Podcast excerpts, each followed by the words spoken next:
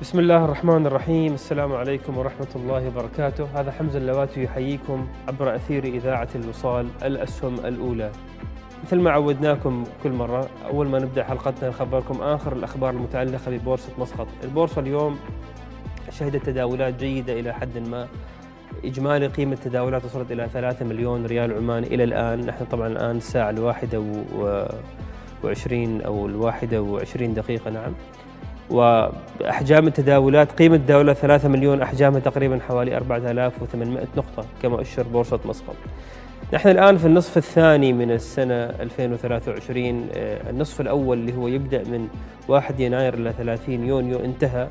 آه، مع انتهاء النصف الأول من من السنة الشركات تفصح عن نتائجها للربع الثاني بعد تاريخ 30 يونيو. قانونيا الشركات هذه ملزمة أنها تفصح عن نتائجها المالية خلال مدة شهر. الآن اليوم نحن تاريخ 19 سبعة يعني خلال العشرة أيام القادمة الشركات التي لم تفصح آه، ستفصح أيضا عن نتائجها المالية. ولكن خلال الثلاث أسابيع الماضية معظم وأغلب الشركات الكبيرة في بورصة مسقط أعلنت عن نتائجها المالية للربع الثاني وكذلك للنصف الأول من عام 2023 أنت كمستثمر في هذه الشركات المساهمة العامة يهمك كثير أنك تعرف وتتابع هذه النتائج لأن المستثمر في هذه الشركات هو يملك جزء من هذه الشركة.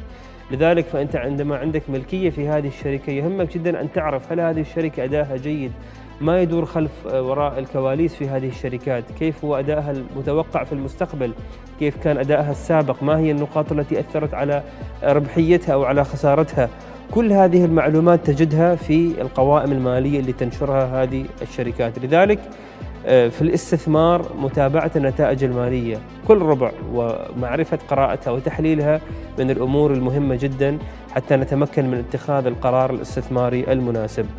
هذه الحلقة ستكون عبر جزئين. الجزء الأول طبعا آه، بنتكلم فيها مع ضيفنا المميز الأستاذ منذر الشرجي اللي هو خبير ومحلل مالي مختص في قراءة القوائم المالية وكذلك التحليلات المالية.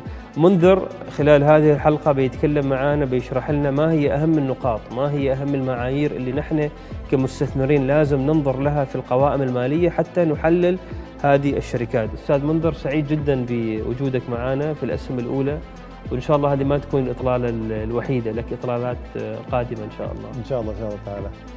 آه، نبدأ في البداية آه، يعني سؤال معتاد ما هي أهم المعايير اللي الواحد يركز عليها ويتابعها في القوائم المالية؟ طبعا لما نتكلم عن القوائم المالية عندنا الميزانية المالية وكذلك عندنا قائمة الدخل وكذلك عندنا التدفقات النقدية الكاش فلو. من هذه الثلاثة نبدأ مثلا في الميزانية المالية أو في البالانس شيت. ما هي أهم المعايير اللي نحن لازم ننتبه لها وأيضا لو تخبرنا والمتابعين تشرح لنا عن هذه المعايير. إن شاء الله إن شاء الله تعالى. اولا أشكركم على استضافتي لهذا البرنامج وثانيا أحب أبارك للأمة الإسلامية على دخول السنة الهجرية الجديدة وجعلها الله لنا آه، سنة خير وبركة إن شاء الله تعالى. آه، بالنسبة لسؤالك أستاذ حمزه آه، في النظر إلى القوائم المالية يعتبر شيء جدا مهم لكل مستثمر. آه، وممكن تحلل الشركة طبعا باستخدام معايير كثيرة. آه، لكن كمبتدئين لأن أتوقع في هذا البرنامج ممكن آه، يكون برنامج مثل تعليمي. فهناك قائمة الدخل أو ما يسمى بالإنكم ستيتمنت. طبعا كشخص عندما ينظر إلى هذه القائمة قائمة الدخل طبعا الأرقام فيها كثيرة ولكن فهم ما وراء هذه الأرقام أيضا تعتبر شيء مهم جدا. آه، ففي السطر الأول مثلا آه، ننظر إلى كلمة الإيرادات أو الريفينيو أو الدخل. كم الشركة دخلت في خلال مثلا ستة أشهر الماضية أو في خلال السنة المالية؟ مبيعات. مبيعات. نعم. ولكن هذا لا يعني أن كلما زادت المبيعات كلما زادت الأرباح. فينظر أيضا إلى قائمة المصاريف. آه، فإذا آه، على سبيل المثال صار صعود في الدخل آه، بدرجة معينة ننظر أيضا إلى المصاريف. هل زادت بدرجة أعلى من الإيرادات أو أقل؟ فيهمنا طبعا الخانة السفلية أو ال bottom line اللي هو ال net profit. هل ال net profit يعني بعد ما اللي نحسب هو صافي الربح بعد خصم كل ال- المصاريف والنفقات والضريبة وغيرها. بالضبط أيوة.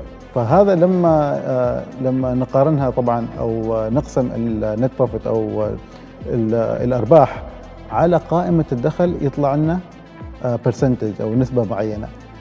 ففهم أو معرفة آه، نسبة الأرباح في خلال السنة المالية هو المعيار الأهم أقدر أقول آه، من ناحية قائمة الدخل عشان تفهم هل الشركة فعلا آه، تتطور وتكون أحسن ماليا أو لا. يعني مثلا شركة عملت إيرادات مليون ريال وكان آه، صافي دخلها أو صافي الربح مئة ألف.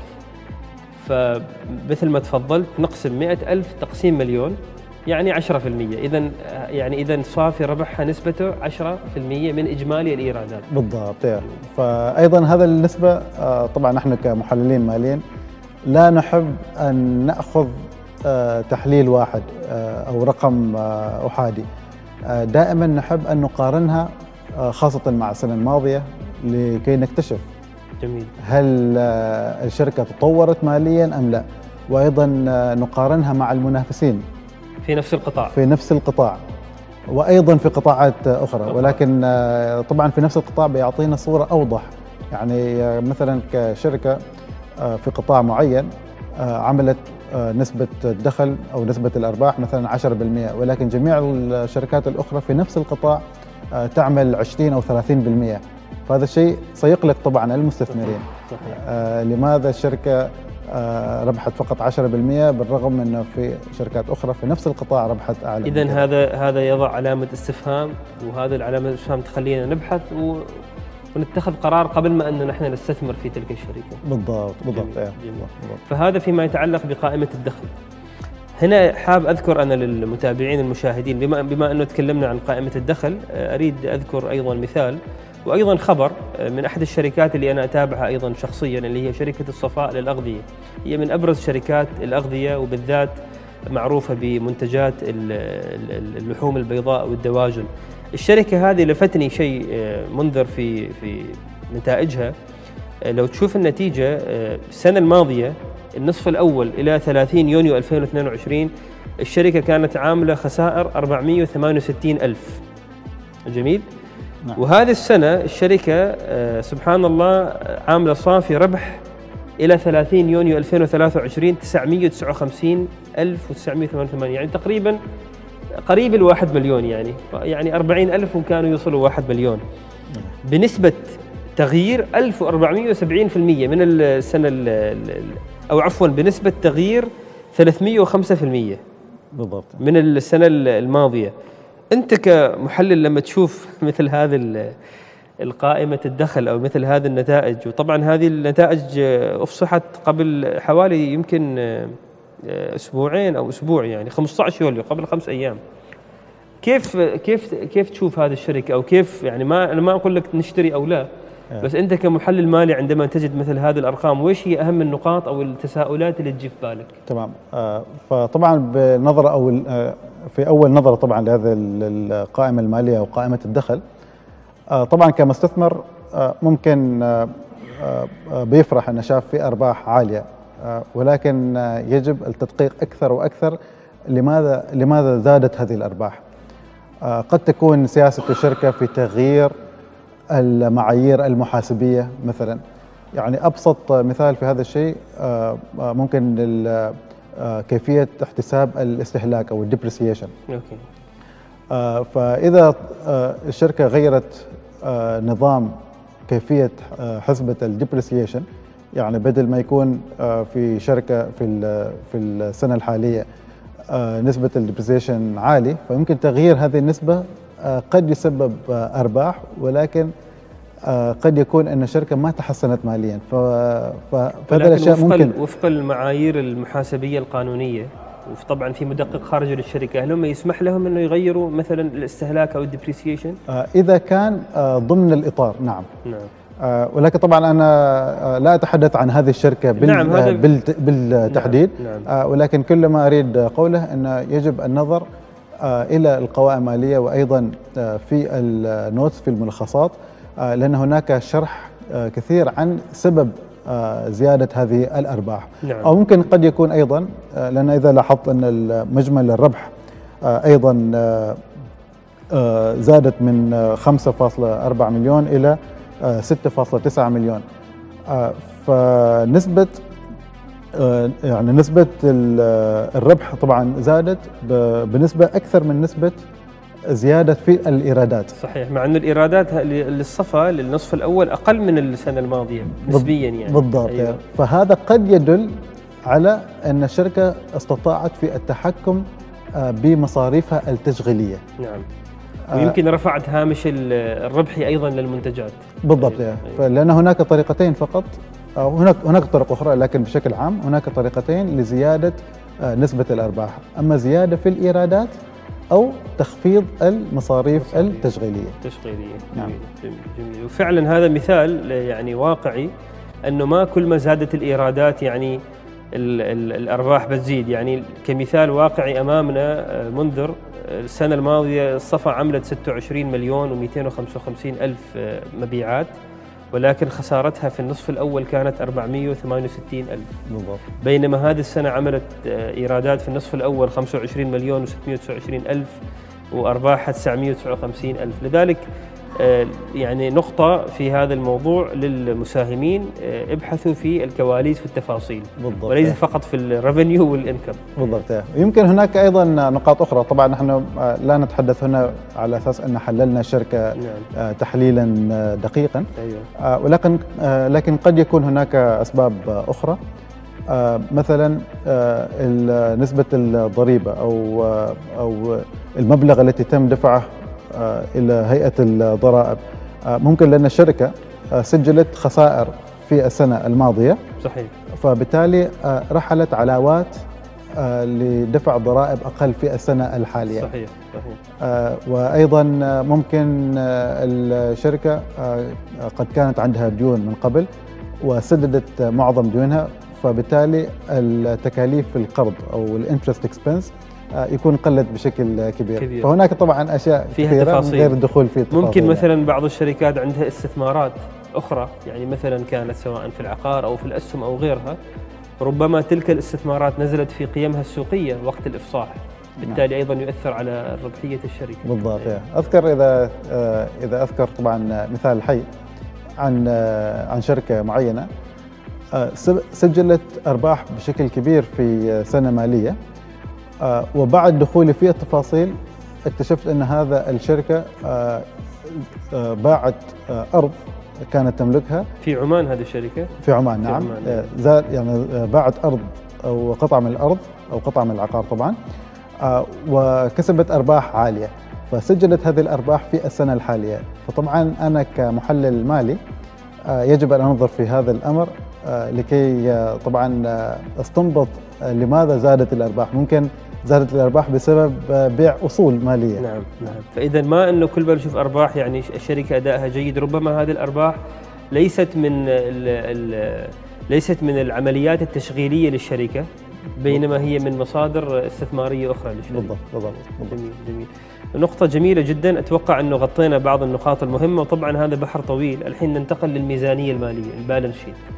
وإيش هي الأخ منذر؟ أهم النقاط أو المعايير اللي الواحد ينتبه لها في الميزان المالية حتى يقيم الصحة المالية للشركة أو ال financial health باللغة الإنجليزية. آه، طبعا الميزانية العمومية أو ال balance sheet آه، فيها آه، تفاصيل أقدر أقول عنها أكثر من قائمة الدخل.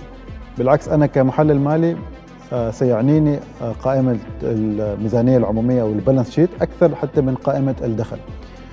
آه، لأن في الميزانية العمومية هناك شرح أو هناك طبعا أرقام أفهم position أو موقع الشركة في السنة التحديدية مثلا في السنة المالية. نعم. فهناك أقدر أكتشف مثلا ما هي ال assets أو الأصول المالية وأيضا آه، ما هي النتائج أو الحقوق المساهمين آه، وأيضا ال liability أو هي المديونية. مديونيات أيوه. آه، فلما أنظر في هذا الشيء أعرف هل الأصول أعلى أو أقل من الديون. نعم. فهذا شيء طبعا بيساعدني كثير. لاني افهم هل الشركة لديها سيولة مالية كافية آه، لسد آه، حاجياتها طبعا الالتزامات اللي عليها. التزاماتها أي، نعم أي. آه، في السنة الحالية أو لا يعني إذا تسمح لي أدخل في تفاصيل تف- تفضل. أكثر يعني المايك لك مثل ما يقولوا مشكور ففي في الأصول المالية هناك شيء طبعا إذا بعت منتجات لزبائن معينين لكن لم أقبض المبلغ في الوقت الحالي فهذا يعتبر طبعا آه، في ال account receivable أو صحيح. المبالغ التي راح أستلمها المستحقة لكن لم تستلمها بعد. بالضبط. آه، أما في قائمه المديونيه أو في ال liability نفس الشيء لكن بالعكس. يعني أنا اشتريت آه، منتج من الشركات من الموردين آه، ولكن لم أدفع بعد آه، تلك المبالغ بعد. آه، فعند قسمة طبعا قائمة الأصول على قائمة المديونية أو ال current asset على ال current liability أكتشف هل الشركة أفضل ماليا أو لا يعني هل عندها سيولة مالية بحيث تستطيع استيفاء ب آه، بديونها في آه،. تلك السنة فاذا لما تقسم ال- الأصول على الالتزامات أو ال- الأصول ال- الحالية أو ال current asset على ال liabilities في رقم يطلع لك يعني اذا كانوا متساويين يطلع آه، واحد بالضبط آه، إذا كان فإذا كان أكثر من واحد هذا يعني الشركة في حالة إيجابية بالضبط آه. إذا كان أقل من واحد يعني لك عليها آه، يعني بالضبط إيه. إذا كان أقل من واحد آه، فهذا يعتبر آه، طبعا آه، يعني جرس أقول مم. آه، إيش آه، إذا ال- ال- الدائنين للشركة طالبوا بمبالغهم آه، ولكن الشركة لا تستطيع استيفاء بتلك. نعم. بتلك المبالغ آه، فممكن الشركة س- بتتطلب إنها تأخذ قرض للاستيفاء بهذه الالتزامات جميل. جميل. وطبعا القرض عليها فوائد. تكاليف وفوائد وأشياء أنا أخرى. جاي لك على موضوع القرض سبحان الله شيء بالشيء يرتبط آه، أيضا نذكر للمشاهدين في خضم حديثنا أيضا بعض الأخبار آه، القطاع المصرفي عندنا في السلطنة آه، منذر من أكبر القطاعات اللي في السوق ال- في القطاع الخاص وكذلك في بورصة مسقط من من من حيث قيمها السوقية وأيضا مساهمتها في الناتج الإجمالي ال- المحلي العماني. ناخذ نظرة سريعة على أرباح النصف الأول لأهم البنوك في السلطنة لأبرز البنوك ونقارنها مع 2022 فمثلا بنك مسقط النصف الأول 2023 عمل أرباح تصل إلى 104 مليون ريال عماني مقارنة ب 99 مليون ريال عماني في العام الماضي في النصف الأول. يعني إذا مشى على هذه الوتيرة نت- نتكلم ان بنك مسقط نهاية السنة إذا عمل في النصف الثاني 104 على أقل تقدير نتكلم على 208 مليون ريال عماني. البنك الأهلي أرباح النصف الأول 19 مليون فاصلة 9 يعني تقريبا 20 مليون. ل 2023 السنة الماضية 15.7 ارتفاع 26% بنك ظفار 18 مليون النصف الأول ل 23 و16 مليون النصف الأول ل 22 ارتفاع 12% البنك الوطني 29 مليون مقارنة ب 22 مليون النصف الأول 2022 ارتفاع 32% بنك صحار أيضا ارتفاع ب 28% عمل 23 مليون في النصف الأول. وهكذا معظم البنوك يعني بنك HSBC هو الأكبر في الارتفاع عمل 21 مليون في النصف الأول 2023 مقارنة ب 14.8 مليون في 2022 بنسبة ارتفاع بلغت 42% وطبعا الارتفاع الملفت جدا بالنسبة لي اللي هو بنك عمان العربي عمل 11.5 مليون في 2023 النصف الأول مقارنة ب 7 مليون في 2022 يعني ارتفاع 88% بالنتيجة بنك مسقط طبعا هو الأول من ناحية الربح 104 مليون ولكن نسبة الزيادة مقارنة مع السنة الماضية 5% لكن عندك بنك عمان العربي 88% و HSBC 42% طبعا نقول مبروك لبنك صحار على استحواذهم الناجح والجيد لبنك HSBC. يبدو إن البنك جدا يعمل يعني بنك مربح. السؤال منذر إنه ليش نحن عندنا في الخليج نتكلم هنا أيضا في السلطنه البنوك مسيطرة على موضوع الربحية دائما أرباحها في ازدياد لما تقارنها مع قطاعات أخرى. لما تقارنها مع القطاع الخدمي مع القطاع الصناعي تجد على البنوك أرباحها دائما في ازدياد ويعني ما بس حتى خلال السنوات الماضية. هل هذا المؤشر بحد ذاته يخبرك شيء عن اقتصاد هذا البلد أو اقتصاد دول الخليج إنه هي كثير يعني بانك سنتريك مثل ما يقولوا معتمدة على البنوك في الأرباح؟ أكيد آه، في النهاية الاقتصاد والأداء الشركات كلها مرتبطة آه، مع بعضها البعض. آه، فزيادة هذه الأرباح وزيادة الإيرادات وأيضا لما نشاهد زيادة في نسبة الأرباح مقارنة بالسنوات الماضية فهذا طبعا يدل على نشاط السوق أو نشاط الأفراد وأيضا الشركات.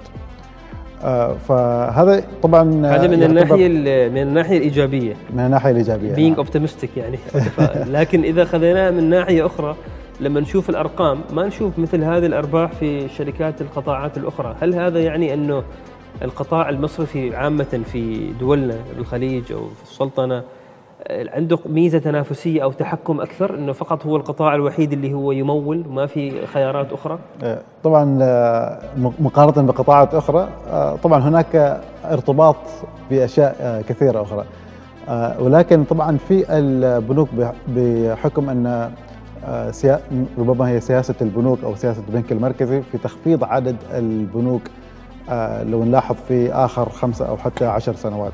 آه، فهذا طبعا آه، ربما لأن هذه البنوك اكتسبوا خبرة كبيرة في السوق آه، فقدروا يعملوا طبعا يعني إيجابية في السوق من حيث الخبرة وأيضا من حيث يعرفوا كيف كيف يكتسبوا طبعا أسواق جديدة.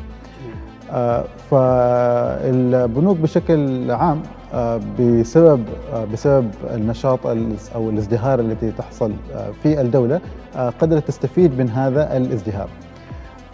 ف وطبعا نعرف إن الأسواق بشكل عام مرتبطة أيضا مع الاقتصاد مثل الصعود في النفط مثلا، صعود في أسعار النفط أيضا شاهدنا في قطاعات أخرى هناك صعود ولكن ليس بدرجة صعود في البنوك.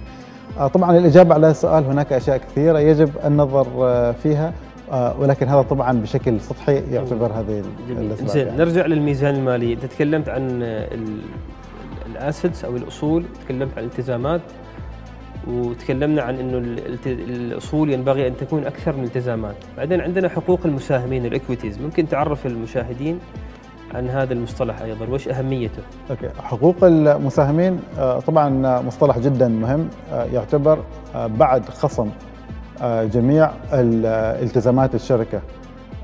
خصمها من الأصول الشركة يبقى حقوق المساهمين. يعني إذا طبعا شركة خصم الأصول الالتزامات الحالية والمدى الطويل يعني والمدى الطويل يعني أوكي ال current وال وال non-current فعلا. فحقوق المساهمين طبعا هذا الرقم آه، يتغير سنة بعد سنة. يعني قد إذا كان إذا كانت الشركة آه، سجلت ارباحا فحقوق المساهمين بطبيعة الحال سوف يكبر. أما إذا الشركة سجلت خسائر فحقوق المساهمين أيضا سوف يصغر بفعل حتمي. ويعني إذا ناخذ على سبيل المثال آه، سنة أو آه، شركة معينة بدأت آه، نشاطها في السنة الأولى مثلا. فاستدعت مبلغ معين فلنقل نفترض مثلا مبلغ مليون ريال عماني. فهذا هو حقوق المساهمين في إنشاء تلك الشركة. واستخدمت هذه المبالغ لشراء أصول معينة. ولكن الذي يعنيني هنا أن حقوق المساهمين بحكم انه بدا بمبلغ مليون ريال عماني. إذا الشركة اكتسبت وحصلت أرباح فحقوق المساهمين سوف يزيد بنفس نسبة آه، زيادة الأرباح نعم.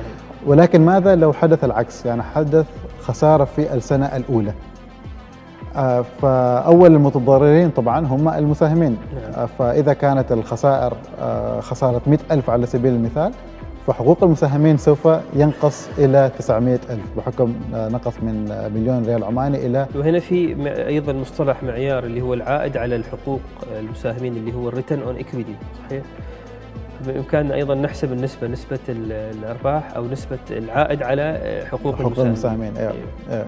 ف... اللي هو هو يعني صححني إذا أنا خاطئ حتى نوضح للمشاهدين العائد على حقوق المساهمين هو العائد الذي يحققه المساهم خلال سنة أو سنوات معينة على ما استثمره من رأس مال في الشركة. آه بالضبط إيه، بالضبط. فناخذ يعني آه، بنفس المثال اللي أخذناه من قبل. آه إذا كان حقوق المساهمين طبعا مليون ريال عماني وسجلت أرباحا بنسبة مث- أو بمبلغ آه، مئة ألف آه، فيعني ال return on equity أو جميل. ال- العائد للمساهمين صار طبعا 10% جميل جدا. آه، عندنا تقريبا تبقت ست دقائق لكن الحلقة بعد فيها محور اللي هو قائمة التدفقات النقدية كاش فلو هذه أيضا منذر أريدك تشرح آه، فيها للمشاهدين. لأنه أتوقع هذه ربما تكون أهم من حتى قائمة الدخل يعني. بالضبط. آه، آه، التدفقات النقديه أو ما يعرف بالكاش فلو أيضا يعتبر من آه، ضمن القوائم المالية المهمة. آه، لأنك كمستثمر بتكتشف هل الشركة لديها سيولة مالية أم لا. آه، يعني تحدثنا طبعا في السابق عن قائمة الدخل. فممكن أو ربما يوجد شركة سجلت ارباحا عالية ولكن ليس لديها سيولة مالية معينة. فقد يحدث هذا الشيء. آه، لماذا يحدث هذا الشيء؟ لأن آه، مدراء الشركة صار عندهم سوء آه، أو أو مس مانجمنت يعني طبعا سوء إدارة في سوء إدارة تحصيل الأموال. في تحصيل الأموال بالضبط. فإذا صار أي من هذا الخلل طبعا سوء إدارة في في الأموال وقد تكون طبعا الشركة مربحة ولكن ليس لديها سيولة مالية فهذا قد يسبب أيضا في مشاكل أخرى. مشاكل أخرى مثل الاستقراض. تلجا للقروض وفوائدها وتكاليفها.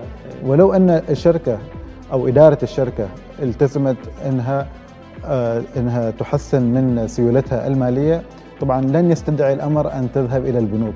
جميل. فهناك طبعا آه، تكاليف كان كان من الممكن التفا- تفاديها طبعا. تفاديها، آه، إذا الشركة طبعا حسنت آه، من تصرفها في ال- التدفقات جميل المالية. جميل. ف... وطبعا هناك أيضا النظر في التدفقات المالية. هناك شيء ما يعرف بالمصاريف التشغيلية أو ال operating cash flow وأيضا ال financing يعني كل ما يخص بالقروض سواء كانت فوائدها أو المبلغ المبلغ الأصلي من القرض أو أو أيضا يوجد خانة اسمها investing cash flow أو cash flow from investment يعني إذا إذا الشركة استثمرت في مجال معين فايضا يدخل آه، هذا الاستثمار في هذه الخانة. مثل ما أنت ذكرت في قائمة الدخل مرات ربما الإيرادات تكون عالية لكن أساسها ما يكون أو الربح يكون عالي لكن اساسه ما يكون من العمليات التشغيلية.